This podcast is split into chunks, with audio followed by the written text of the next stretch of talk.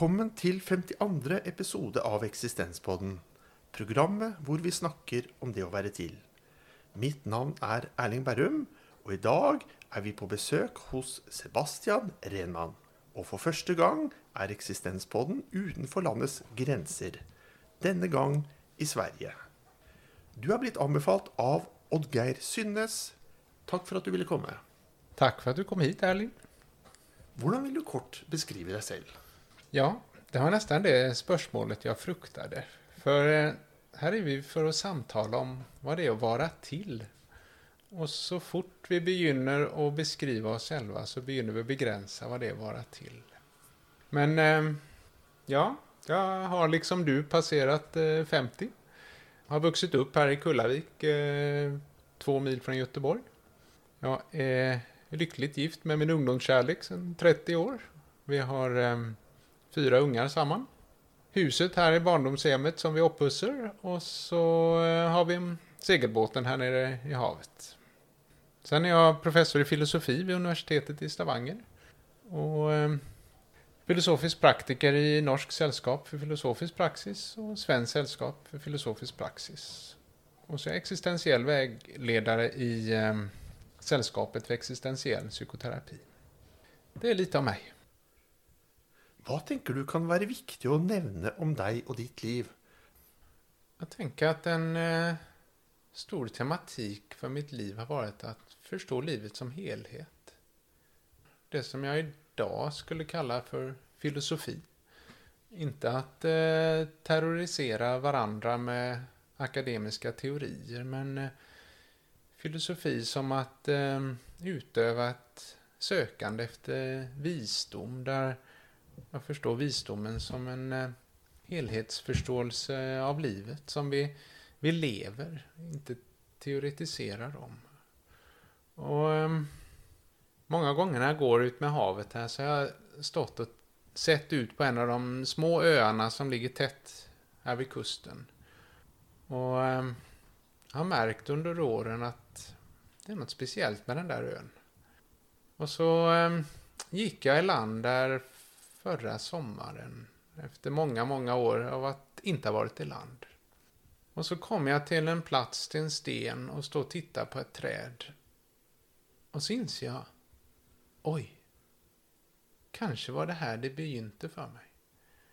För då minns, blir jag påmind om att, ja, kanske var jag sju, tio år. Jag har gått från mamma och pappa och syster som är lite längre bort. Och så står jag där. Och så minns jag nu då att jag som liten pojk stod där och, ja nu blir det med de vuxna orden, men jag har en upplevelse av att allt detta som jag erfar nu kunde jag inte ha erfarit.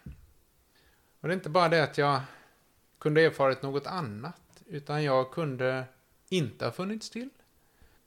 Och det kunde inte ha funnits någonting. Och den här, den erfarenheten, förundran över, oj, jag erfar, jag, jag lever. Det har jag tänkt att kanske börjar sökandet där att förstå helheten. Och kanske speciellt när du är på en ö där du har en nästan tom horisont. Så, så är du där vid oändligheten nästan. Så det har varit ett kanske intensivt sökande under större delen av mitt liv och fortsatt är det. Och ibland har jag tänkt kanske det går tillbaks till den där pojkupplevelsen. Du har også blitt bedt om å velge ut en grunnleggende dimensjon med det å være til som menneske. Og hva har du valgt som tema for dagens program? Det är att söka visdom, den där kunnigheten om att leva väl. Som är så vansklig att, att få till. Hva har du funnet ut til nå? Ja.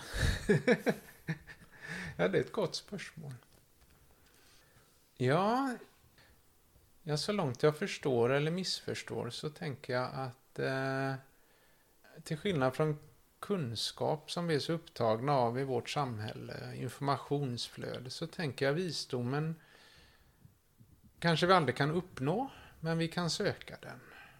Och där eh, vi söker en eh, förståelse av helheten av våra liv. Och eh, ja, det här det börjar bli ännu vanskligare kanske. För det är att få en helhetsförståelse av ditt liv.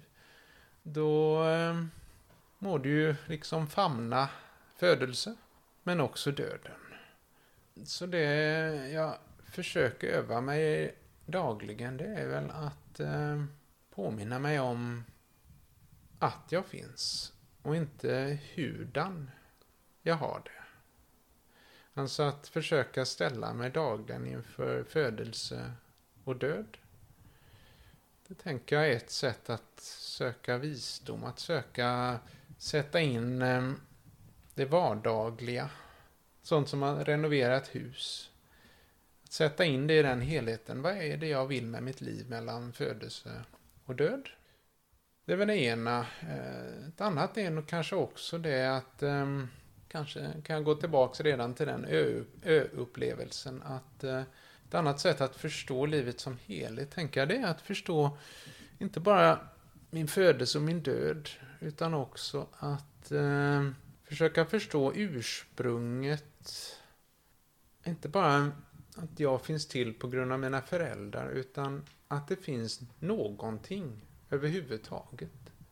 Alltså det som är alltings första orsak och mål. Och det, det kan jag vara bekväm och komfortabel att kalla Gud i vissa sammanhang. Men i andra sammanhang är jag inte så bekväm att kalla det för Gud. För det synes mig som vi ofta i vårt samfund har eh, väldigt märkliga, så långt jag förstår, försnävade förståelser av det gudomliga. Så eh, det är att söka visdom, tänker jag, är då dels att famna sitt liv som helhet, från födelse och död. Vad är det jag vill med det som är mellan födelse och död? Och dessutom att kunna förhålla mig till alltings ursprung. Ja, nu vill jag påminna om eh, Kierkegaard som skriver i Sjukdomen till döden att eh, det är att förhålla sig till sig själv genom den makt som har satt mig att förhålla mig till mig själv. Det kanske är något centralt för mig, ja. Har du eh, funnit lite mer ut av vad du vill? Ja, jag är väldigt tacksam för det jobb jag blev privilegierad till att få. Jag är också glad för barndomshemmet vi kunnat köpa. För eh, segelbåten som är här nere i naturen. Eh, och den stillhet som, eh, som du fann bland blomstren här innan vi satte oss i köket. Ehm, ja, vad är det mer? Jag tänker att musik är viktigt för mig. Jag lyssnar väldigt mycket på Arvo Pärt, Johannes Brahms, men så har Beethoven kommit tillbaks igen under våren. Du säger också att en del av den visdomen knyttet till helheten da, er knyttet til bare en erkjennelse att man är till. Ja. Men händer det att du eh, mister kontakt med den erkjennelsen? Ja. Och vad gör du för att komma ja. tillbaka till denna ja. erkjennelsen du har på den lilla ön? Det är en daglig utmaning att bli i det att jag är och inte hur jag är. Som väl är så har ju filosofer sedan antiken eh, utvecklat övningar för det här. Så eh, jag försöker ha en morgonmeditation och en eftermiddagsmeditation. Jag skriver dagbok på ett särskilt sätt där jag inte bara noterar vädret och, och, och sådana ting. Men det är att jag prövar att komma till mig själv. Vad är det jag upplever? Vad är det jag erfar här och nu? Samtal är väldigt viktiga för mig. Jag har en samtalspraxis. Så jag inviterar individer och grupper till att samtala om vad det är att vara till och de utmaningar vi har. Ehm, och jag går själv i samtal med, med min filosof för att försöka komma in på livet. Spørsmålet 'Hvem er jeg?' kan jo også ses i sammenheng med hvordan man har det, eller mm. at man er til. Ja. Og når du er i den tanken og erkjennelsen av livet, mm. hvor du klarer å distansere deg Ja. og holde livets hvordan på avstand og bare være, kjenne på det å være til, hvem er du da? ja, ja, vem är jag då? Kanske en av de grunderfaringar som jag kommer tillbaka till, det är att livet är en gåva. Att det är något som är givet. Och det är att komma till den stillheten eh, innebär ofta att eh, jag får perspektiv på livets utmaningar. Vad är det som är viktigt egentligen? Är den här lampan som e-, elektrikern vill att jag ska ha bestämt mig om igår. Hur viktig är den egentligen? En annan eh, erfarenhet jag kommer tillbaks till det är att det här att komma till den förundran över livet. Det kan jag göra genom övningar. Men eh, det kan höras lite momentant ut. Över tid så tänker jag att det är också det att dana en karaktär. Klarar jag att stå i det här? Ja, det gör jag. Eh, är jag uthållig? Ja, jag prövar att bli uthållig. Vill du si denne erkjennelsen om at jeg er til, også kan være et eksistensielt hvilested? Et sted Mhm. du kan søke tilflukt? Ja, tillflykt. Det var spännande du sa. För när vi flyttade tillbaks hit till huset så sa jag det till min fru. Jag tror huset ska heta Refugium. Det är ju tillflykt. Alltså det att eh, finna sig själv, komma tillbaka till sig själv. Där det finns en stillhet och en ro som eh, förbundet med andhämtningen. Och, och lite det kunna vara i den, den stilla andhämtningen. Tänker jag är också det att kunna förundras över att jag är och inte bara hur jag är.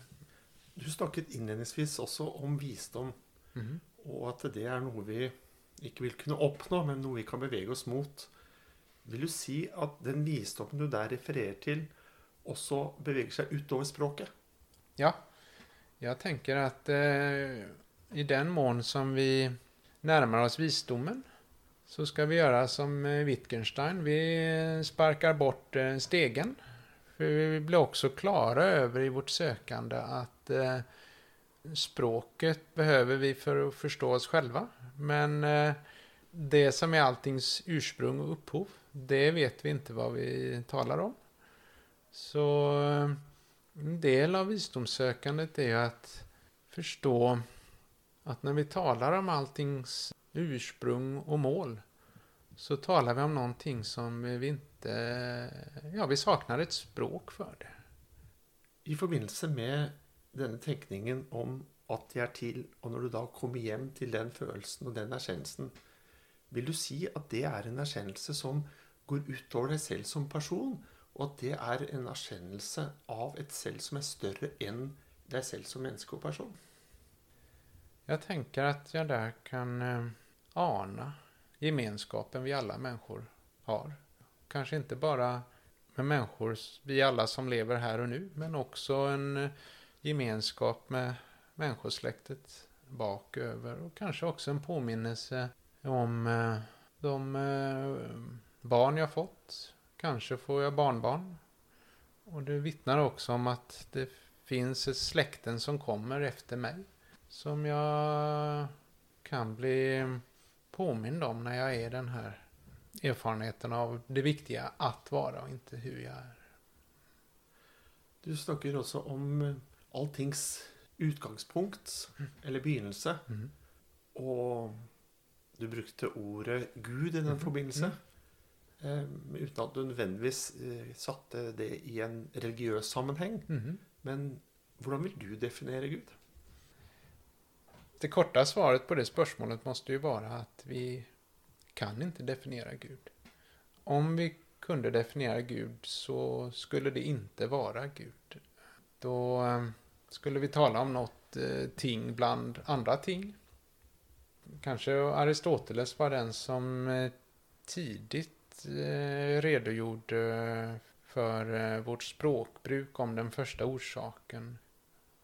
Som också finns då inom eh, huvudfåror av eh, kristendom, islam, eh, judendom.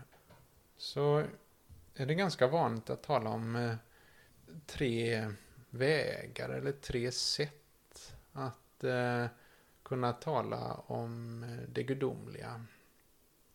Där det första sättet är då att eh, resonera tillbaks till den första orsaken. Där vi bara kan bejaka att något finns.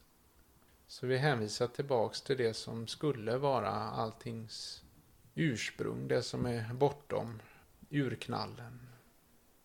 Andra sättet som de här visdomstraditionerna talar om är ju att eh, från att förstå att allting har en orsak, att det andra är att eh, vi negerar eller förnekar allt som vi kan säga om det som finns i världen, det förnekar vi om det som är bortom världen. Allting som du och jag har erfarit och kan erfara är ändligt. Det har en begynnelse och ett slut. Det har en ändlighet i tid. En ändlighet i rummet. Du sitter på den sidan bordet och jag sitter på den här sidan bordet. Och ehm, det är att pröva att förstå vad vårt språk skulle betyda om vi försöker använda det om det som är den första orsaken. Det innebär att vi förnekar ändlighet om det som alltings första orsak. Så vi säger att den första orsaken är oändlig. Eller vi kanske talar om att eh, du och jag, vi började vårt samtal vid en tidpunkt och vi slutade vid en annan. Men den första orsaken eh, förnekar vi då att den har tid. Den är tidlös, utan tid. Eller evig. Och den tredje vägen som många av de här visdomstraditionerna hänvisar till är ju att vi, trots att vi med den första vägen bara kan säga att det finns en första orsak och med den andra vägen kan säga att denna orsak är allt annat än varje annat ting. Så den tredje vägen är att vi ändå kan ana att det kan finnas vissa likheter, kanske speciellt med oss själva som människor. Så att det är vanligt för många visdomstraditioner att säga att den första orsaken har kunskap, godhet, kärlek och så vidare. Men det är väl här som jag många gånger i min egen tid upplever att eh, religionerna har eh, många gånger misstar hur svårt det är att tala om Gud. Och ganska raskt här så begynner man att eh, föreställa sig att Gud är någon eh, kolossal eh, största eh, omsorgsperson kanske. Världens största omsorgsperson. Och då tänker jag att då har man ju helt, så långt jag förstår eller missförstått, eh, gjort Gud till någon stor uppumpad eh, människa. Men eh, jag tror att står vi med visdomstraditionerna så förstår vi att Gud är något helt annat än en eh, kolossal människa. Vill du kunna beskriva Gud också som en dimension? Nej, mm. jag tänker dimensioner finns bara i världen. Eh, om, om, om, om vi ska ha ett språkbruk för Gud så är det ju någonting som är icke-dimensionellt.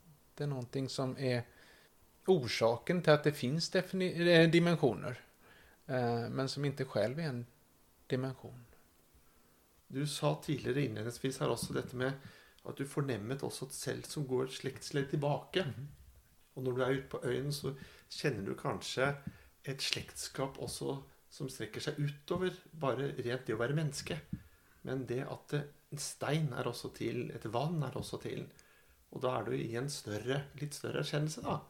Och den erkännelsen är ju en erkännelse som också vill vara här efter att vi som människor förlåt jorden. Helt enig. Kan det vara så att vi talar på det här sättet? Livet som gåva. Jag har bara ett liv. I kontrast till, som du sa, vannet och stenen. De kan inte uttrycka sig så. Men du och jag, vi kan, eh, vi kan förstå det att det är helt ofattbart att just jag blev till.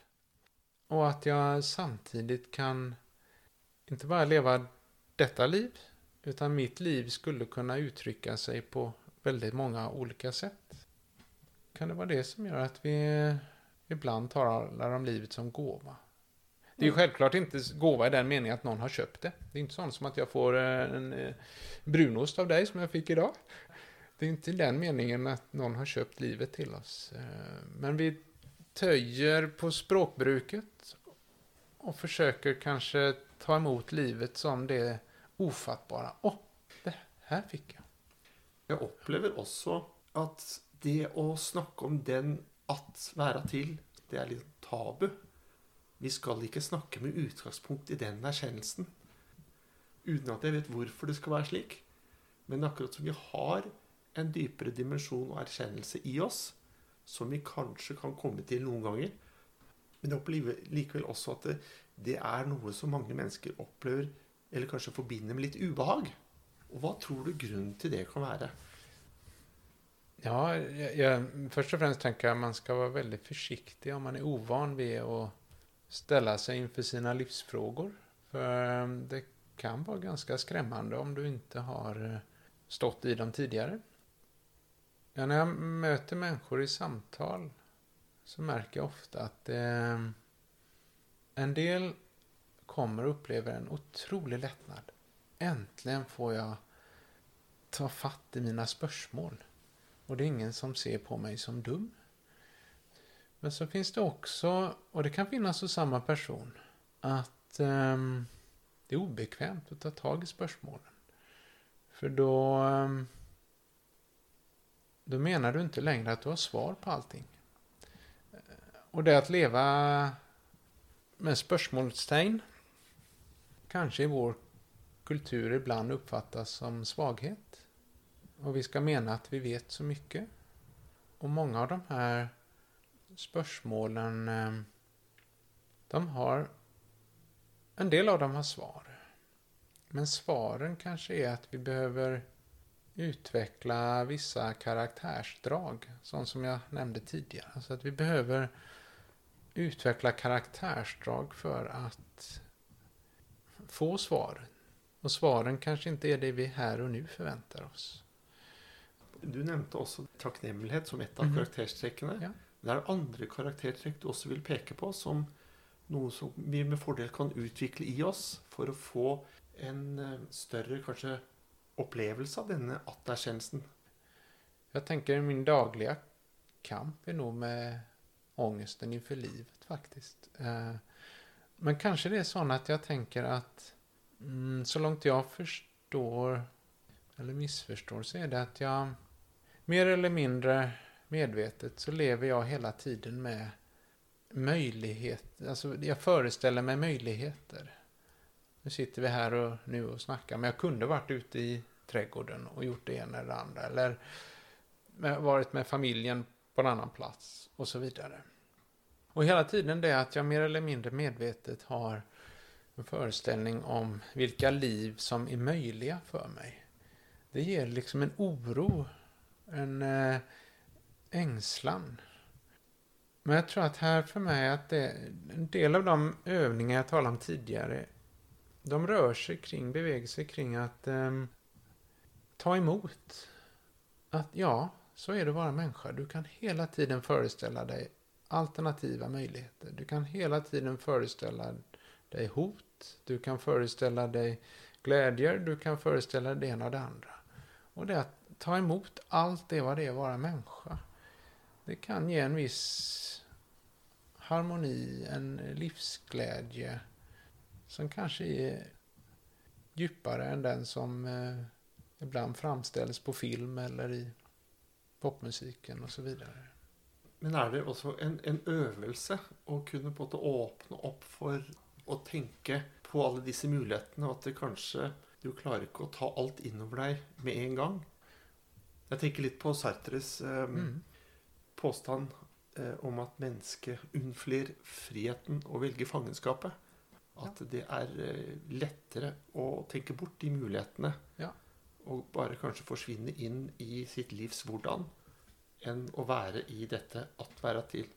Och du nämnde också att du hade angst för livet och satte det lika etterpå kanske i sammanhang med både oro och ängstelse. Mm. Är det något annat eh, du har eh, angst för livet? Jag kanske bara ska ta ett steg tillbaka, för jag tänker att det är nog inte antingen eller. Utan för att ha kanske den djupa livsglädjen så må du också ha den här eh, ångesten för livet. Eh, alltså för mig betyder eh, Munks skrik otroligt mycket. Och för många människor är det en skrämmande bild och för mig är det en sån glädje i den, sånt hopp i den att ja, sån är det och vi lever, tänk att vi lever. Så ehm, jag tänker att det är inte antingen eller utan både och. Det, det, låter väldigt generellt, men jag tänker det gäller att ha med sig det, ha öppenheten för det när du vet du ställs inför det här. Du, du ska köra tillbaks till, eh, till Oslo. Och så finns ju den möjligheten att eh, där blir en krock. Och så är livet ditt slut. Men det är också glädjen att köra tillbaks till Oslo och tänka, ja, vilken värld, vilket liv. Och det är att ta emot bägge de möjligheterna. Och kanske tre och fyra möjligheter. Så jag tänker att den här både glädjen och munterheten för livet och ångesten för livet, de, de hänger tätt samman. Och det gäller att ta emot bägge. Du har ett uttryck eh, som säger att det kostar att leva. Men baserat på det vi snackar om nu så vill jag nästan utvida det lite till det kostar att uppleva livsglädje. Denne skikkelsen i skriket da, også må ha ett motsvar i en sånn fantastisk gledesuttrykk. Och att de går hand i hand, sånn som du säger. Nu minns jag inte när han eh, målar eh, solen. Men du vet solen, den som är universitetet i Oslos aula. Det är ju otroligt ljus. Och det är ju samma munk. Och det är ju så fantastiskt att du har bägge. När jag blir färdig med renoveringen här så ska Skrik och solen hänga kanske i samma rum. Eh, för sån är livet, tänker jag. Hur tänker du om resten av livet ditt? Tänker att jag som eh, de flesta människor hoppas väl att jag får vara frisk. Att jag, mina nära och kära får leva. Och jag tänker hit eh, det kalla huset för refugium så är det med ett hopp att leva ett kontemplativt liv här. För min egen del och med andra som är inviterade till eh, samtal. Du snackade också inledningsvis om eh, det att söka helhet. Och mm. jag tror också det var eh, Herman Hesse i sitt harta, ja. hvor han beskriver att livet är nästan som en cirkel, och varje ålder har sin vinkel in på livet. Tänker du att du kommer nog snart att bli ända mer klok på livets helhet? Jag hoppas det. Jag tänker eh, ibland när jag ser mig i spegeln att jag i bästa fall så vittnar de här eh, gråa vita håren om att jag är ett steg närmare visdom kanske. Du har ju borrat mycket då för ja. att pröva att få lite mm. tak i, i något av essensen med det att vara till. Mm. Och var är du nu? Var är det du letar efter nya spörsmål eller nya dilemman eller nya dobbelt efter en ny svar?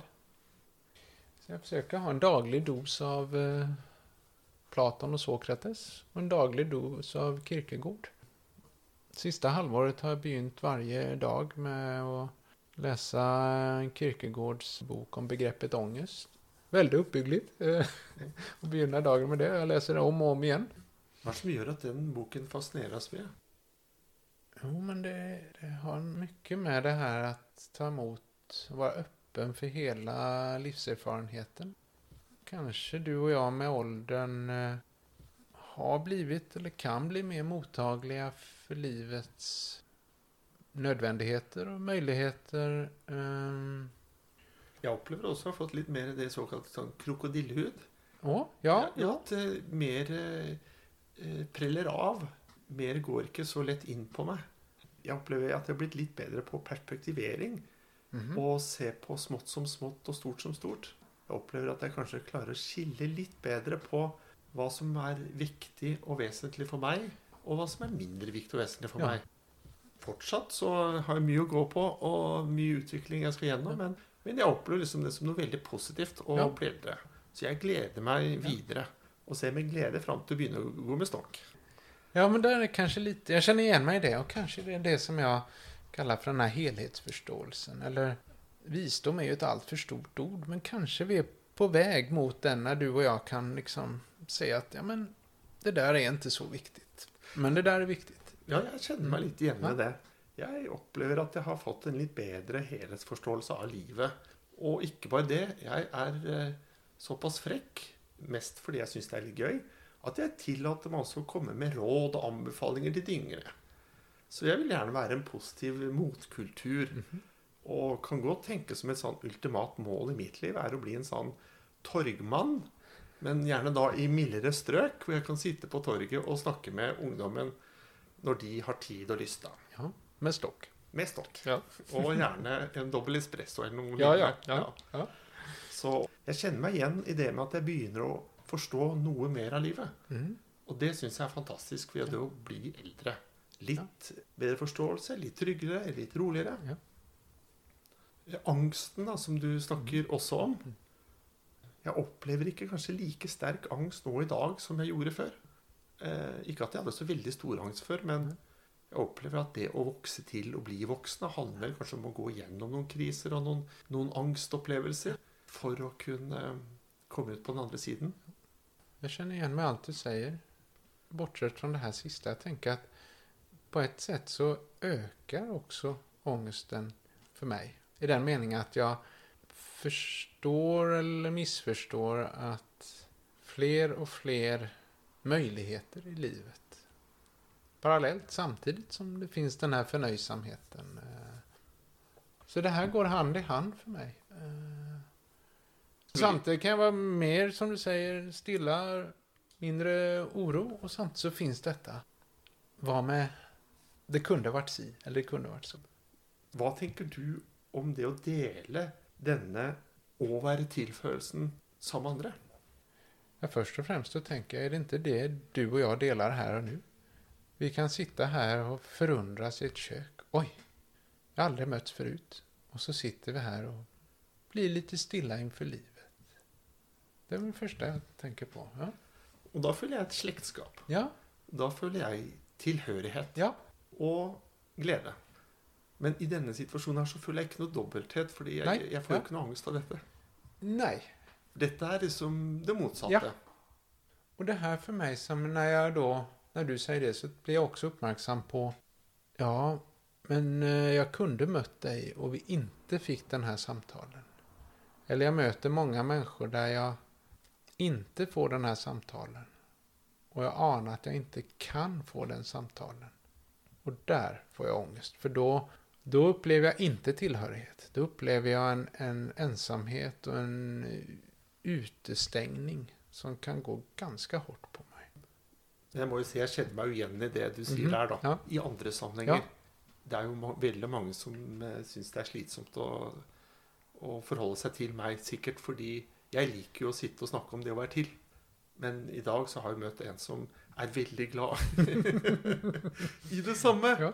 Og da syns jeg det bare blir en ren glede da, og en ren fryd. Men ofte ellers så opplever jeg de samme følelsene som deg, og, og syns det kan være vanskelig. Ja, det var, ja, det var bra vi kom till. För det, det var det här jag var ute efter tidigare och försökte finna ord för. Så att vi, vi kan ha den här glädjen i att ja, här är vi två stycken som förundras över livet i köket. Men vi kan också minnas eller föreställa oss att eh, vi möter människor som utesluter oss från den förundran över att vara till. Når det gjelder det å bare ha en erkjennelse av å være til, og hvile i den, har du noen råd til lytterne for hvordan de kan komme nærmere den erkjennelsen? Ja, jag tänker att eh, det viktiga är att finna någon eh, som är god att samtala med. För det, det är ganska utfordrande. Och, eh, och att vara alena kan bli skrämmande. Så viktigt att finna någon eh, som eh, kan dela den erkännelsen eller den erfaringen. Att eh, här prövar vi att bli öppna för livet. Förundras över livet. Någon som jag kan vara trygg med när jag vill förstå mig själv lite mer och livet som helhet. Hva kan kjennetegne en slik person? Först och främst tänkte jag väl på filosofiska praktiker. Eh, möter jag många kloka. Men det behöver inte vara begränsat till någon som har en särskild profession. Jag tänker att, ja kanske att det är först och främst någon som är trygg med att eh, inte ge dig råd med en gång. Som kan eh, gå med dig i din ovisshet en bit. Som tål att stå med spörsmålet. Som inte med en gång måste ge dig råd att gör si, gör sån, utan att ja, här kan vi vara öppna. Vi behöver inte ha svar med en gång. Och svaret kanske är, inte är ett påstand, men eh, att leva livet. Da er vi kommet på slutten av dagens samtale. Er det noen visdomsord som har fulgt deg på livets vei, og som du gjerne vil dele med lytterne? När jag tänker lite så kommer jag ofta tillbaka till det som Ludwig Wittgenstein skriver i Traktatus. Att eh, det mystiska är inte hurdan världen är. Utan att världen är. Da takker jeg deg for samtalen. Takk også til deg som lytter for å ha fulgt oss denne gang. Vi høres igjen, og inntil da, ha det bedre enn bra.